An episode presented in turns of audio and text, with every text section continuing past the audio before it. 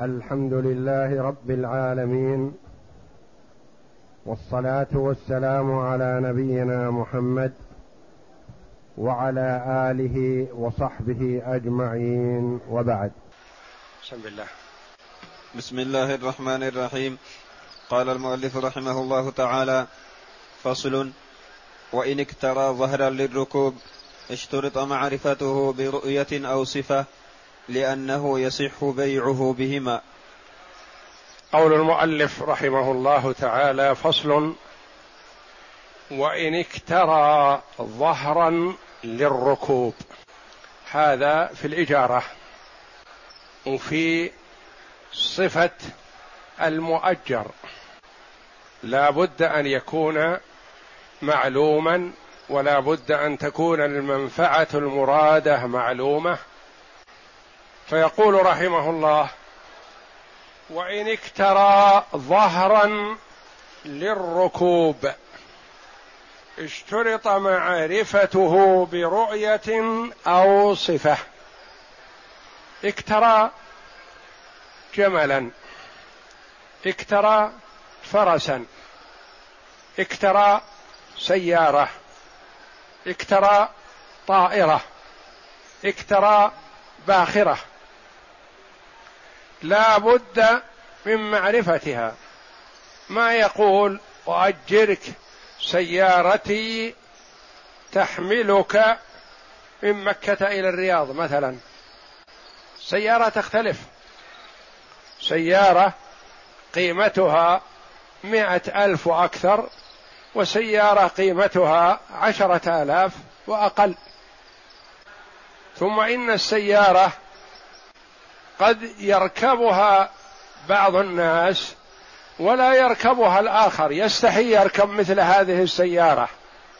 وكذلك البعير وكذلك الفرس وكذلك الحمار. تختلف.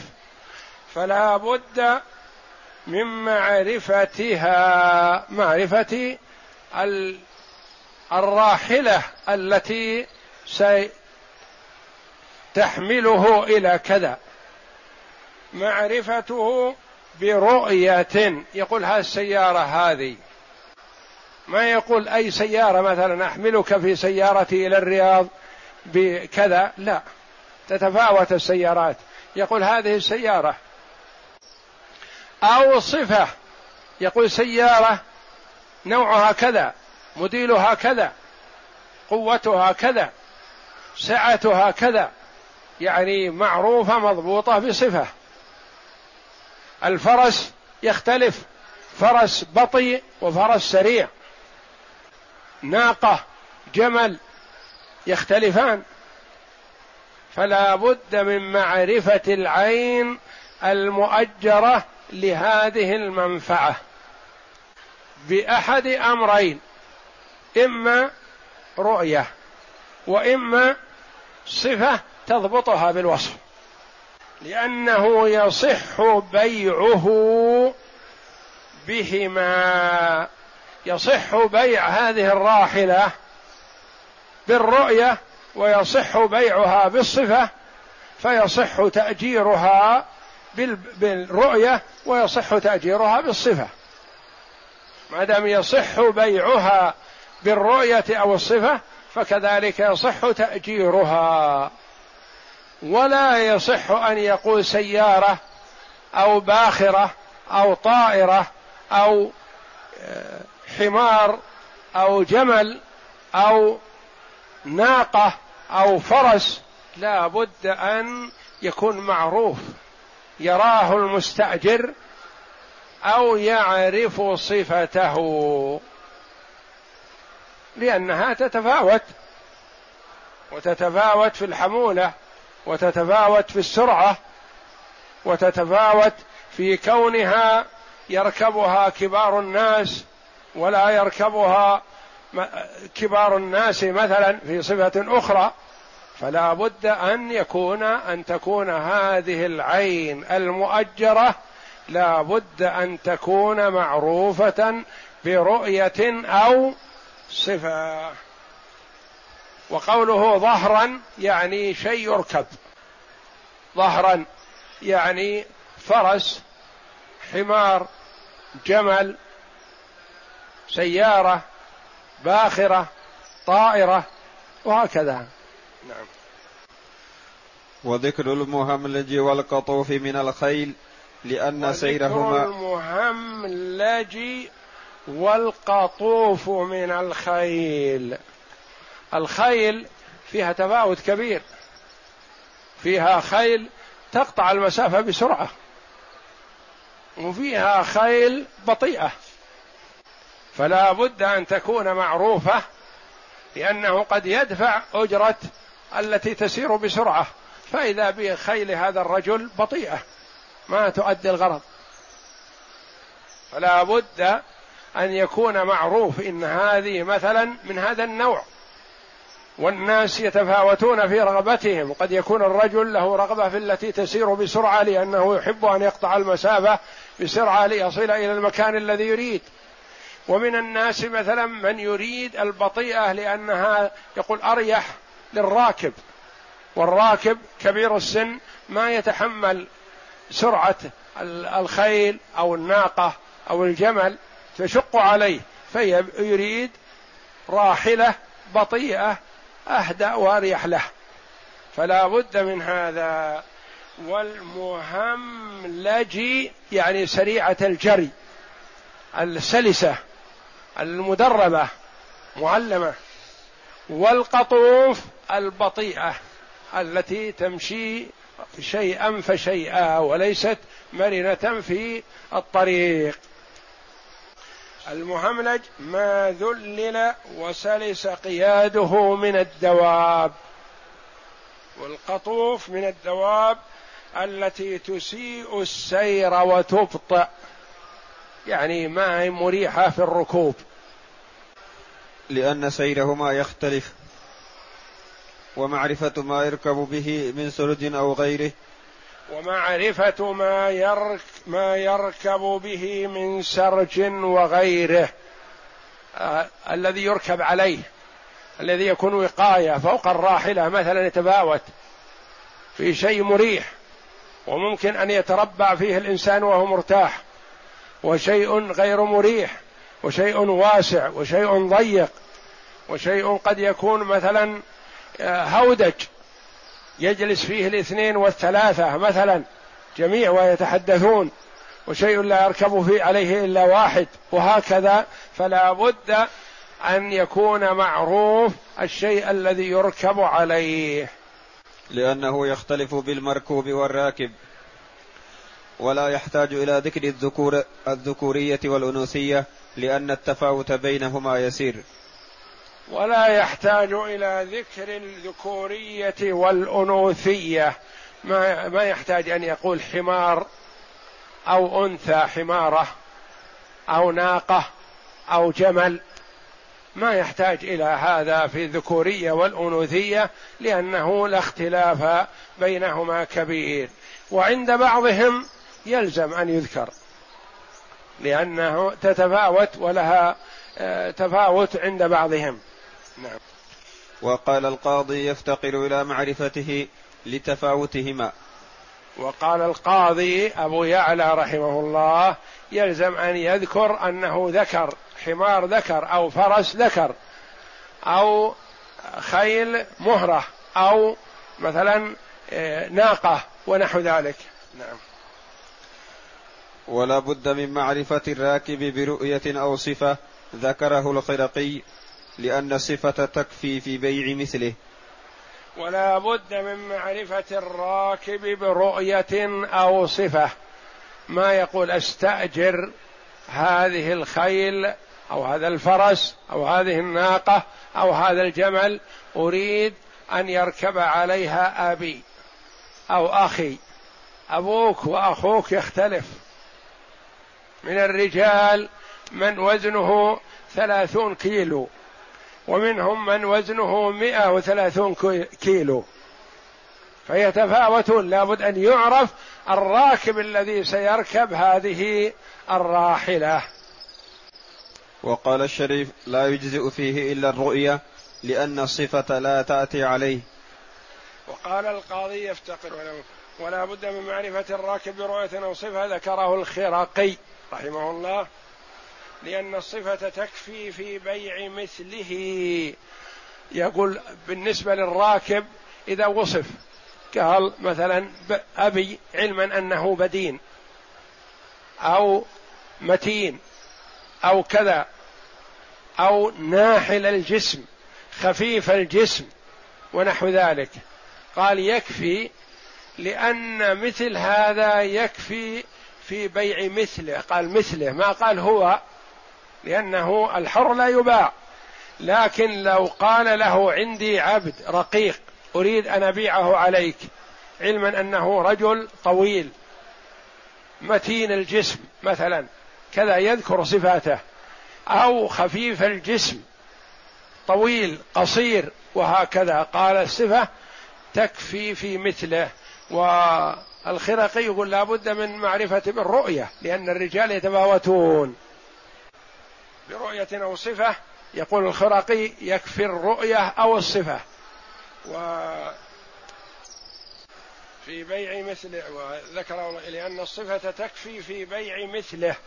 وقال الشريف لا يجزي فيه إلا الرؤية لأن الناس يتفاوتون في هذا تفاوت كبير. من الناس من يركب الدابة وما كأن عليها حمولة ولا عليها شيء. ومنهم من يثقلها. فالناس يتفاوتون في هذا. نعم.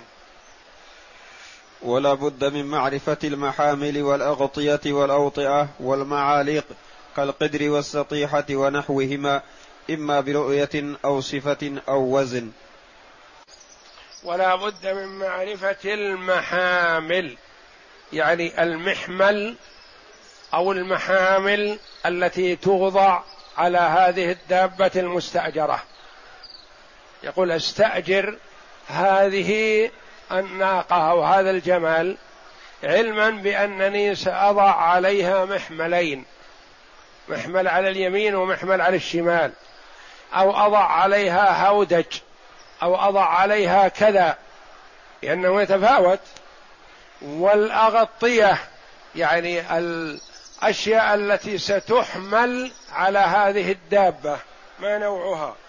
والأوطئة الفرش التي تكون تحت الراكب.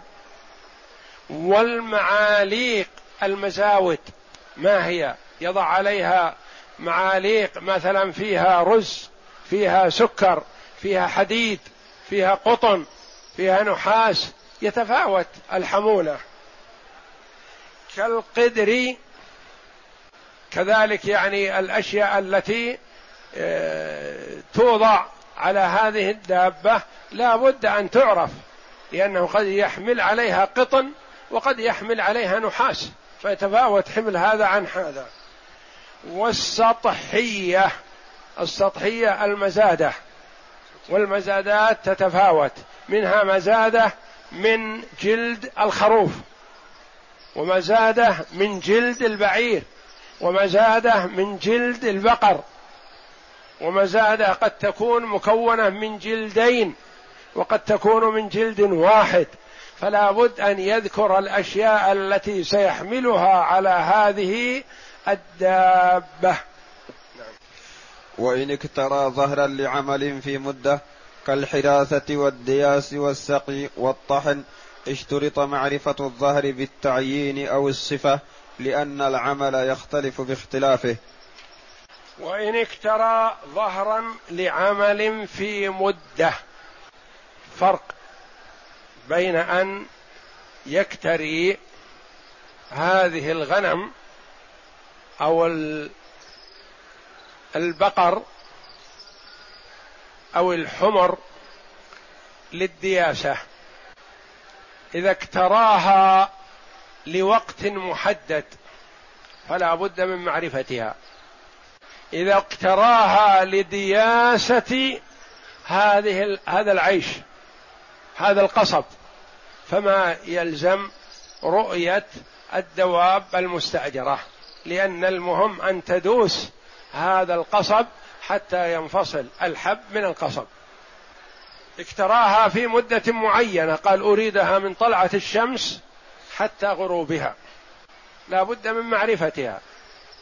لأن نوع من الدواب من طلوع الشمس إلى غروبها تدوس الشيء الكثير.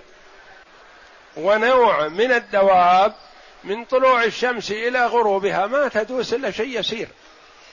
لأنها تتفاوت. وإن اقترى ظهرا لعمل في مدة كالحراثة والدياس والسقي. قال مثلا أستأجر هذا البعير يسقي من هذه البئر مثلا من الصباح إلى الغروب. أو قال يسقي هذا النخل حتى تمتلئ حياضه.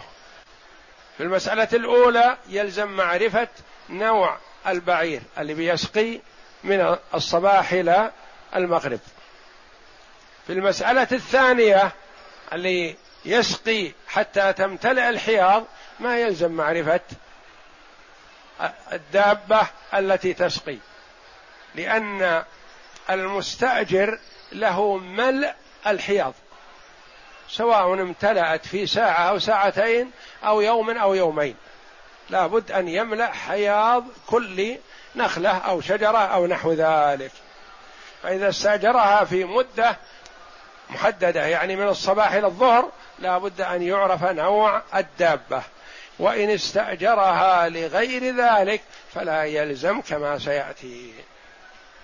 كالحراثة والدياس والسقي سقي الماء من البئر والطحن طحن الحبوب مثلا اشترط معرفة الظهر بالتعيين أو الصفة. تكون مثل دواب فلان وضعها كذا صفتها كذا إلى آخره. نعم. وإن استأجره. لأن, لأن العمل يختلف باختلافه.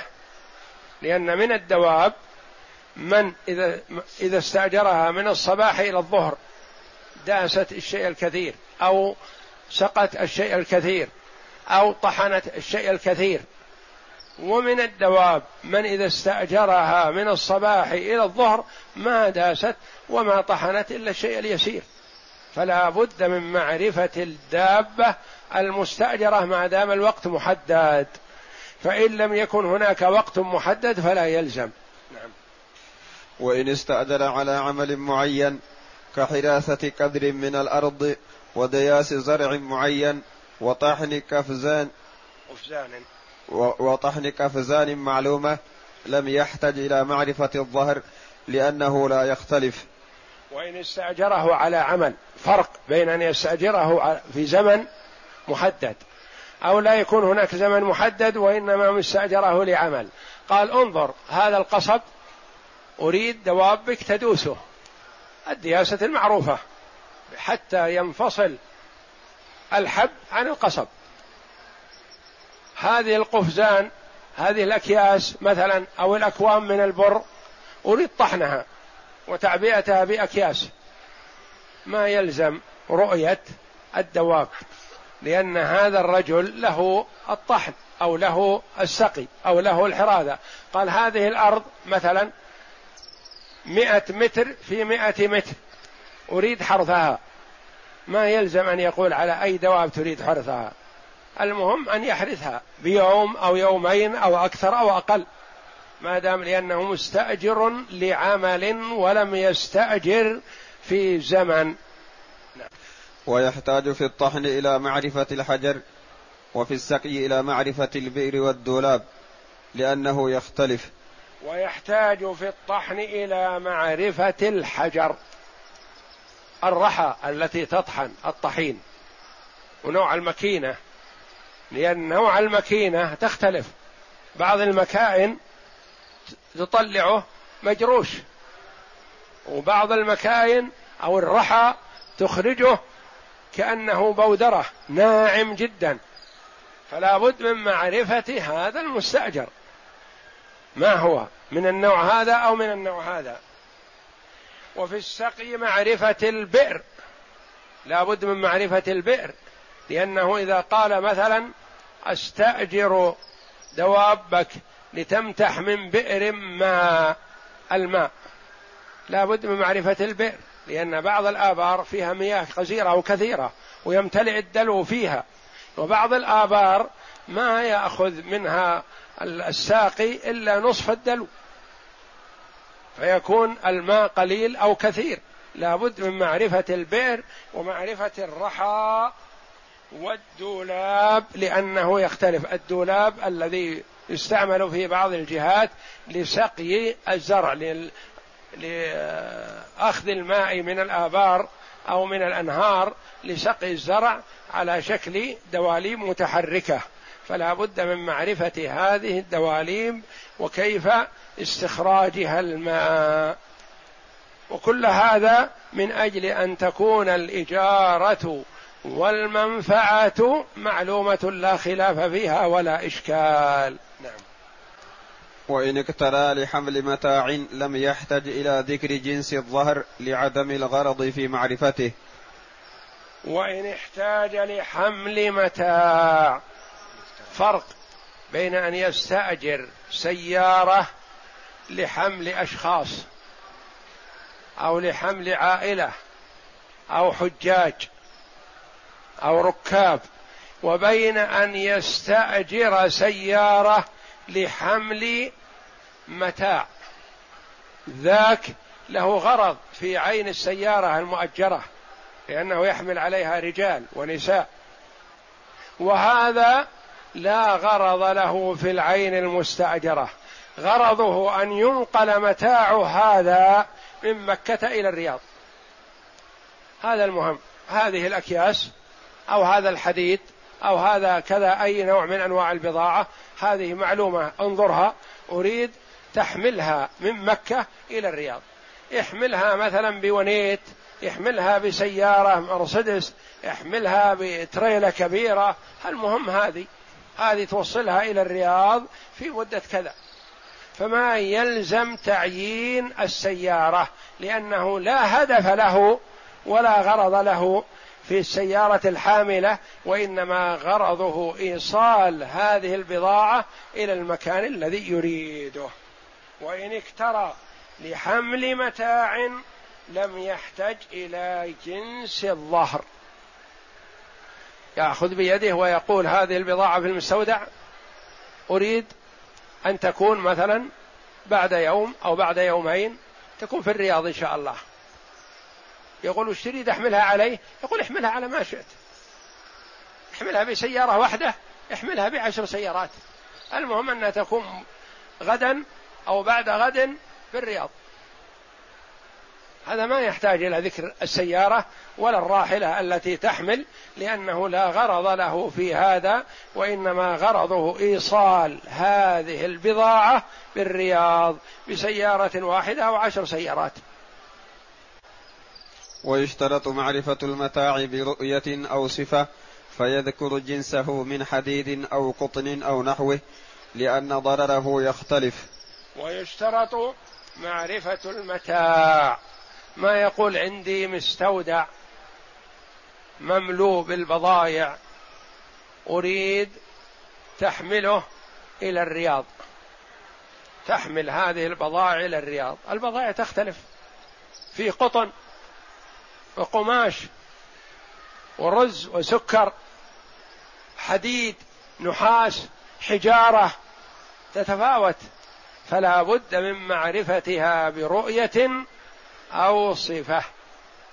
برؤية يقول انظرها هذا المستودع المملوء بهذه البضائع أريد تحمله إلى الرياض.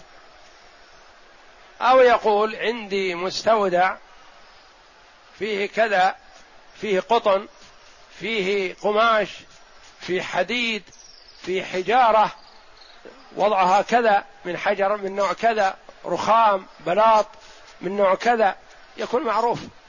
فلا بد من رؤيته أو ذكر صفته لأن ضرره يختلف. الدابة فرق بين أن تحمل عليها بالتي قطن أو بالتي نحاس.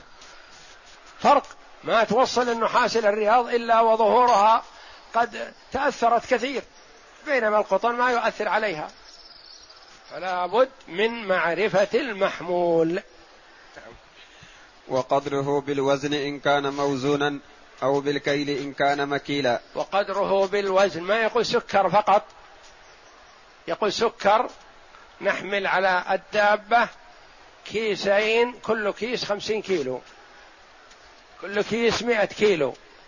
كل كيس كذا عشرة أكياس كل كيس مثلا عشرة كيلو. وهكذا لابد من ذكره لأنهم عند الحمل قد يختلفون. الرجل ما دام استجر بعيرين يريد أن يحمل عليها ما أمكن من السكر ويكثر. صاحب البعيرين يقول لا يا أخي ما تحمل البعير إلا اثنين على خمسين كيلو. وهو يريد أن يحمل ثلاثة أربعة هنا وثلاثة أربعة هنا. يحمل عليها ستة ثمانية أكياس. فلا بد من معرفة المحمول بكيل أو وزن. لأن البيع يصح بكلا الطريقين. وإن ذكر وزن المكيل فهو أحصر. وإن ذكر وزن المكيل فلا بأس لأن المكيل يتفاوت بالنسبة لخفته وثقله. والمسألة مسألة حمل لأنه قد يكون الصاع من الهيل مثلا بقرابة كيلو مثلا بينما الصاع من نوع آخر من البضاعة خمسة كيلو عشرة كيلو وصاع فلا بد يعني ذكر الوزن أفضل لأنه يحدد الثقل والخفة. وإن دخلت الظروف في وزن المتاع استغني عن ذكرها. قد تقول إن هذا الجمل يحمل ويطيق 500 كيلو. بينما صاحبه ما تعود يحمل عليه إلا 200 كيلو. فكلمة ما يطيقه ما تنضبط. لابد يحدد مقدار المحمول بالكيلو أو بالصاع أو بالحجم ونحو ذلك. والله أعلم وصلى الله وسلم وبارك على عبده ورسول نبينا محمد وعلى آله وصحبه أجمعين. وهذا التحديد والتقدير يعطينا حرص فقهائنا رحمة الله عليهم على ضبط الأمور بحيث لا يحصل خلاف بين المستأجر والمؤجر. لأن الإسلام يحرص على درء الخلاف والنزاع بين المسلمين أو بين مسلم وذمي. وكل شيء عرضة للخلاف أو النزاع يدرى من أول الأمر. والله أعلم. وصلى الله وسلم وبارك على عبده ورسول نبينا محمد وعلى آله وصحبه أجمعين.